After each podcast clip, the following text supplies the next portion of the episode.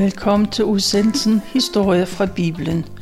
Mit navn er Tove Christensen, og i dag tager jeg udgangspunkt i noget af det, der står i Apostlenes Gerninger i det nye testamente.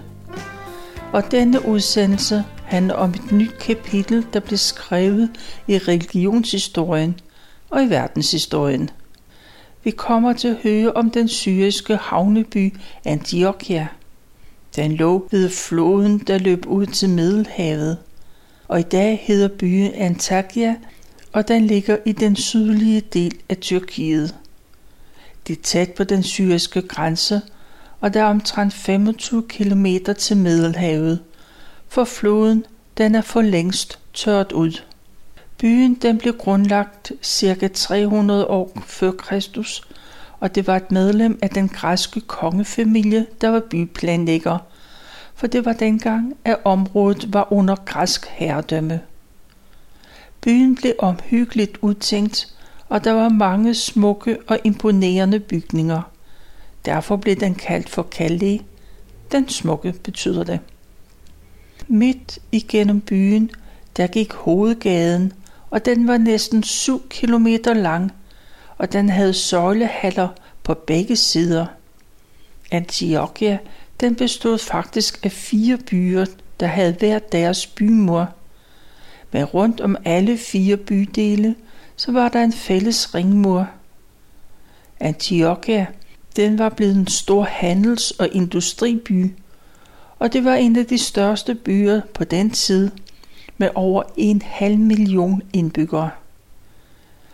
Men kalifen Omar robrød byen i 600-tallet, og så sluttede Antiochias storhedstid. Den første større kristne menighed uden for Israel, den lå netop i Antiochia, og der var en del ikke-jødiske medlemmer. Det var her, man første gang kaldte de Jesus troende for kristne. For man oversatte navnet Jesus eller Messias til det græske ord Kristus, altså kristne. Kristendommen begyndte i Jerusalem, og apostlen Peter blev den officielle leder for alle de Jesus troende. Men på grund af forfølgelse, så flyttede man til andre dele af landet, og evangeliet det blev også hurtigt spredt til nabolandene. Da der kom en større menighed i Antiochia, så blev Paulus deres leder og Gud lagde det sådan til rette, at Paulus forkyndte evangeliet først og fremmest for dem, der boede i udlandet. Han havde hovedansvaret for den del af arbejdet. Og Peter, han var leder for de omskårne, det vil sige jøderne i Jerusalem og i Palæstina. Både Peter og Paulus, de var to stærke og markante ledere og ifølge et brev, som Paulus skrev til galaterne, så var det en klar aftaler, at Peter han havde selv ansvaret for at sprede evangeliet inden for det jødiske samfund. Og han gav Paulus ansvaret for at forkynde evangeliet for dem, der boede uden for Palæstina. Men det eneste Paulus han skulle huske på, det var de fattige. Dem måtte man ikke svigte. I månederne efter påsken, så er mange i Jerusalem berørt af Jesu død opstandelse, og ikke mindst pinsedag, hvor helligånden den kommer hen over de 12 apostle og de Jesus troende. Der er mange, der kommer til tro, og de slutter sig til den menighed, der er. De 12 apostle har fulgt Jesus i tre år. De er på en særlig måde blevet oplært af Jesus og de har den største indsigt i Guds rige, og de underviser de nyomvendte. I Jerusalem er der dagligt nogen, der kommer til tro, og der går ikke lang tid, før der er en stor menighed. Den består dels af omvendte jøder, der har sin rod i Palæstina, dels er der jøder, der kommer fra andre dele af Romeriet. De Jesus troende, de lever fredeligt med hinanden, men der går ikke lang tid, før de bliver tvunget til at flygte ud af byen. For både præsterne og de skriftkloge, de er vrede og jaloux. De er vrede, for de tror, at det er dem selv, der har den rette tro, og alle andre tager fejl. Samtidig er de jaloux, for apostlene de samler mere, flere omkring sig, end de selv gør. Præsterne og de skriftkloge forfølger de Jesus troende, og de sætter mange i fængsel. Det betyder, at en del vælger at flygte fra Jerusalem. De flytter ud i landsbyerne, der ligger i omegnen, eller de tager mod nord til Samaria og Galilea. En del af de Jesus troende, de kommer fra andre dele af Romeriet, og så tager de tilbage til det sted, hvor de kom fra. De tager for eksempel til Kypern eller til Fønikien eller til Lilleasien. Men uanset hvor man flytter hen, så er det naturligt for dem at komme i den lokale synagoge. De er alle jøder, og de søger derhen for der andre jøder. Det ligger så dybt i mange, at de kun omgås jøder. Men dem de omgås, dem fortæller de om Jesus. En dag får apostlen Peter et syn fra Gud, og synet fortæller, at for Gud er der ikke forskel på jøder og ikke-jøder, for alle er lige for Gud. Kun ganske kort tid efter dette syn, så blev den første ikke-jøde døbt til at tilhøre Jesus Kristus. Og den begivenhed, den får stor betydning for jødernes indstilling til andre mennesker – de jøder, der er flyttet væk fra Jerusalem, de fortæller evangeliet om ham med stor frimodighed. Alle må høre om Jesus, om Guds søn, uanset om de er jøder eller ej. Nogle af de Jesus troende, de kommer oprindeligt fra Kypron og fra Kyrene, der ligger i Libyen. De vælger at slå sig ned i storbyen Antiochia, og der fortæller de, det, som de selv er kommet til tro på, og snart er der mange græsktalende, der tror på Jesus. Menigheden i Antiochia vokser, og rygterne om deres tro, de når til Jerusalem. Men det er i Jerusalem, at de vigtige beslutninger de blev truffet, og det er her hovedmenigheden er. Og lederne, det vil sige de 12 apostle, de følger med i, hvad der sker rundt omkring, og da de hører om menigheden i Antiochia, så er de klar til at hjælpe. Apostlerne støtter praktisk op om, at evangeliet det bliver spredt, og de ved, at undervisning af de nyomvendte, det er vigtigt. Derfor besluttede de at sende Barnabas til Antiochia. Barnabas er en troens mand, og han er fuld af helligånd. Han er græker, og derfor er han et godt valg til den opgave. Barnabas påtager sig sit kald, og han kommer til Antiochia, og der møder han mange mennesker, der er kommet til tro, og dem takker han Gud for. Og så opmuntrer han dem til at holde fast i troen på Jesus. Barnabas han går rundt i byens gader og pladser, og der fortæller han ivrigt om Jesus. Og mange kommer til tro igennem ham. Og da Barnabas har været i Antiochia et stykke tid, så kan han se, at opgaven er meget større, end han kan magte selv. Der er brug for en, der kan hjælpe med at evangelisere og undervise de nye i troen. Derfor rejser Barnabas til Tarsus, der hvor Paulus bor. En gang var Paulus en stærk modstander af Jesus, og han satte gladeligt folk i fængsel, kun fordi de troede på Jesus. Men nu er han selv blevet en af dem. Og Barnabas og Paulus de mødte hinanden og blev venner, da Paulus var nyomvendt og kom til Jerusalem og Barnabas han kunne se, at Paulus var noget særligt, selvom mange andre var bange for ham. Paulus han er jo også græsktalende, og da han kommer til Antiochia, så er han en god hjælp. Barnabas og Paulus, de har respekt for hinanden, og de arbejder godt sammen. En dag får menigheden i Antiochia besøg af nogle profeter, der kommer fra Jerusalem. Og da man er samlet til et møde, så rejser den ene profet sig op. Han forudsiger, at der vil komme en stor hungersnød over hele verden.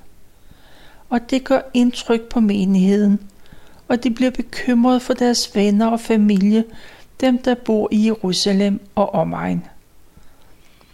De beslutter at hjælpe dem, og alle vil give os så meget, som de har råd til, og beløbet, det må de selv bestemme. Man vælger Barnabas og Paulus til at tage til Jerusalem. De skal have de penge med, som der er samlet ind. Det er menigheden i Jerusalem, der skal dele pengene ud, for det er dem, der ved, hvem der har størst brug for hjælp. Det viser sig, at profetien er rigtigt. Der kommer en hungersnød, selvom Bibelen ikke fortæller om det. Men man kan i dag tidsbestemme en tørkeperiode, dengang Claudius var kejser i Rom. Kristendomsforfølgelsen i Jerusalem, den blusser op igen. Kong Herodes Agrippa, han mishandler nogle af de kristne, og det går også ud over Jakob, ham der var en af de tolv apostle. Han blev halshugget. Kongen kan mærke hans hårde linje over for de kristne. Det falder i god jord hos byens præster og de jødiske ledere. Og kong Agrippa, han følger op på sin succes, så han sørger også for, at Peter blev arresteret og sat i fængsel. Kongen ved, at det jødiske råd i lang tid har været ude efter de kristne. Men romerne, de har helt andre og skrappere metoder, som de kan bruge. Og de metoder stiller kongen nu til rådighed for de jødiske råd. Og i påskeugen, der slår kong Agrippa til, og hans vagter, de arresterer apostlen Peter, og han bliver sat i fængsel og der bliver passet godt på Peter, for der er fire vagthold. Der er fire personer på hvert hold, der skal sørge for hans sikkerhed. I påskuen, der mange jøder i Jerusalem for fejret højtiden, og kong Agrippa han er klar over, at påskehøjtiden der er travlt. Derfor bliver Peters sag ikke afgjort lige med det samme. Men så snart påsken er overstået, og der er faldet ro på byen, så skal Peter dømmes. Menigheden i Jerusalem er helt klar over, at Peter sidder i fængsel, og de bliver inderligt og vedvarende for ham. Natten før Peter skal dømmes af de jødiske råd, så er han i sin celle. Han er lænket til to soldater, og andre to soldater, de står vagt uden for døren. Peter er ikke bange for dommen eller for fremtiden, for han ligger og sover. Han ved, at han er i Guds hånd, uanset hvad der sker. Pludselig bliver fængselscellen badet i et strålende lys, og en engel står ved siden af Peter. Men han opdager ingenting, for han sover jo. Men englen han vækker Peter med et puff i siden. Og da Peter slår øjnene op, så siger englen, at han hurtigt skal rejse sig og så skal han tage sine sko på og sin kappe på. Som i døs følger Peter med englen. Han er ikke helt klar over, om han drømmer eller om det er virkelighed. Peter og englen går forbi den ene vagt efter den anden. Til sidst står de ved den store jernport, der fører ud i det fri. Porten åbner sig af sig selv, og så går de et stykke hen ad gaden.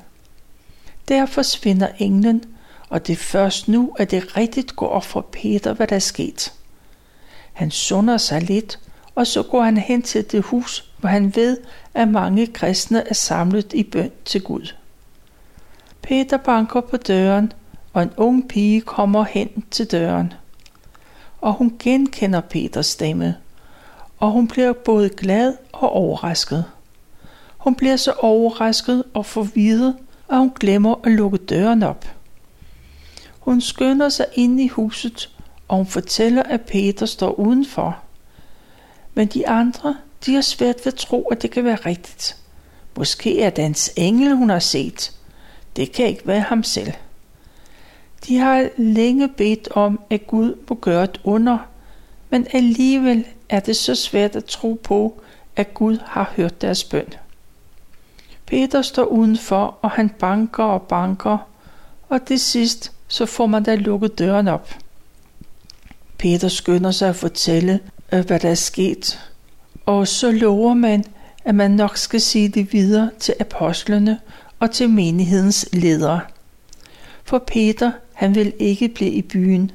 Han forsvinder lige så stille hen til et sikkert sted. Den næste morgen er der stor opstandelse i fængslet. Vagterne skulle jo passe ekstra godt på Peter, men der er ingen, der aner, hvordan det er gået til, eller hvor Peter er blevet af.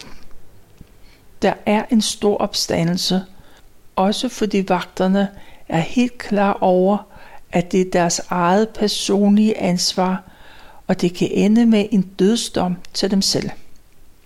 Da kong Agrippa hører, hvad der er sket, så sender han folk afsted ud for at lede efter Peter, men han blev ikke fundet. Fængselsvagterne, de kommer også i forhør, og de kan kun sige, at de ikke ved, hvad der er sket, og så bliver de henrettet. Efter denne ydmygelse, så forlader kong Agrippa Jerusalem. Han bosætter sig i havnebyen Caesarea. Og så går der noget tid, så kommer der en delegation fra byerne Tyrus og Sidon. De vil gerne tale med kong Agrippa. De to byer får deres fødevarer fra et område, som kong Agrippa han regerer over. Der har længe været et spændt forhold imellem de to. Tyrus og Sidon har flere gange prøvet at få kong Agrippa i tale, men det har ikke været let. Men nu er det lykkedes, men kun fordi kongens kammertjener har været mellemmand. Og kongen, han tager sin kongelige dragt på, og han sætter sig på sin trone. Folk fra hoffet og fra byen de slutter sig til kongen. Og kongen beder om stillhed, og han holder tale til delegationen, og bagefter så klapper man. Folk siger med beundring i stemmen, at det var en Gud, der har talt, ikke et menneske. Kongen tager imod deres hyldest, og han godtager sin gudestatus. Og i det samme, så bliver han syg. En Guds engel rammer kong at gribe min sygdom, og han blev et op af orme og dør.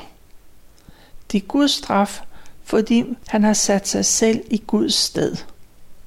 Tilbage til menigheden i Antiochia, for der er hele tiden mange mennesker, der kommer til tro på Jesus. Og de slutter op om menigheden, og de beder sammen og synger lovsange – og så bliver de undervist i Jesu lære. Udover de mange nyomvendte, er der en række anerkendte profeter og lærere, der kommer i menigheden. En dag er man samlet for at holde Guds tjeneste og faste. Og så siger Helion til menigheden, ud til Barnabas og Paulus til den opgave, som jeg har udvalgt til dem. Menigheden hører Guds ord men de fortsætter med fasten og bønnen. Først i slutningen af gudstjenesten, så lægger man hænderne på Barnabas og Paulus, og så sender man dem afsted med Guds velsignelse. De to gamle venner begynder på den første missionsrejse, og Markus han tager med, for han skal være deres medhjælper. Og det første mål, de skal, det er Kypern – mange af de første kristne i Antiochia, de kommer netop fra Kypern. Og Paulus, Barnabas og Markus, de bliver sendt til blandt andet deres familie, deres venner og bekendte. I øvrigt så er Barnabas også fra Kypern. Paulus og hans rejsefælder kommer til havnebyen Salamis, og der ligger på Kyprens østlige side. Det første de gør, det er opsøge den jødiske synagoge. Der fortæller de om Jesus, at han er Messias. Han er den frelser, som Gud har sendt. Paulus og de andre går fra den ene by til den næste. Alle steder tager de ind i den lokale synagoge, for de vil først fortælle evangeliet til jøderne, og først bagefter så kontakter de andre mennesker. Paulus og Barnabas lader ikke lade en chance gå til spilde for at fortælle evangeliet. På den måde kommer de fra den ene ende af øen til den anden, og så når de frem til havnebyen Paphos. Også der fortæller Paulus og Barnabas evangeliet til dem, der vil lytte. I byen bor der en guvernør, og han inviterede Paulus og Barnabas på besøg. Han er nemlig nysgerrig efter at høre mere om, hvad de taler. Og rundt om guvernøren, der står også andre mennesker. Blandt andet er der en troldmand, der hedder bare Jesus. Og han er ikke kun en troldmand, han er også en falsk profet. Og han plejer nemlig at være lige der, hvor guvernøren er. Paulus begynder at fortælle om Jesus, men det er ikke let, for han bliver hele tiden forstyrret af troldmanden. For han er ikke glad for det, Paulus fortæller. Derfor gør han alt, hvad han kan for at hindre guvernøren i at komme til tro. Fyldt med helligånden, så ser Paulus fast på troldmanden og siger, Du er en djævelens barn, og du er fuld af løgn og bedrag, og du modstander af alt, hvad er ret og rigtigt. Hvornår vil du holde op med at modarbejde Guds planer? Gud vil straffe dig ved at gøre dig blind for en tid. Og i det samme så kan manden kun se mørke, og han famler rundt. Og han må finde nogen, der kan føre ham ved hånden. Da guvernøren ser det mirakel, så kommer han til tro. Så stærkt er den kraft, der følger med budskabet om Gud. Paulus, Barnabas og deres medhjælper Markus har nået det første mål, nemlig at møde folk på Kybron med evangeliet. Og de forlader Kybron og sejler videre til Pamfylien, der ligger i Lilleasien, for deres missionsrejse er ikke slut endnu. Det er, hvad jeg har valgt at fortælle fra Apostlenes Gerninger, kapitel 11, 12 og 13 i det nye testamente –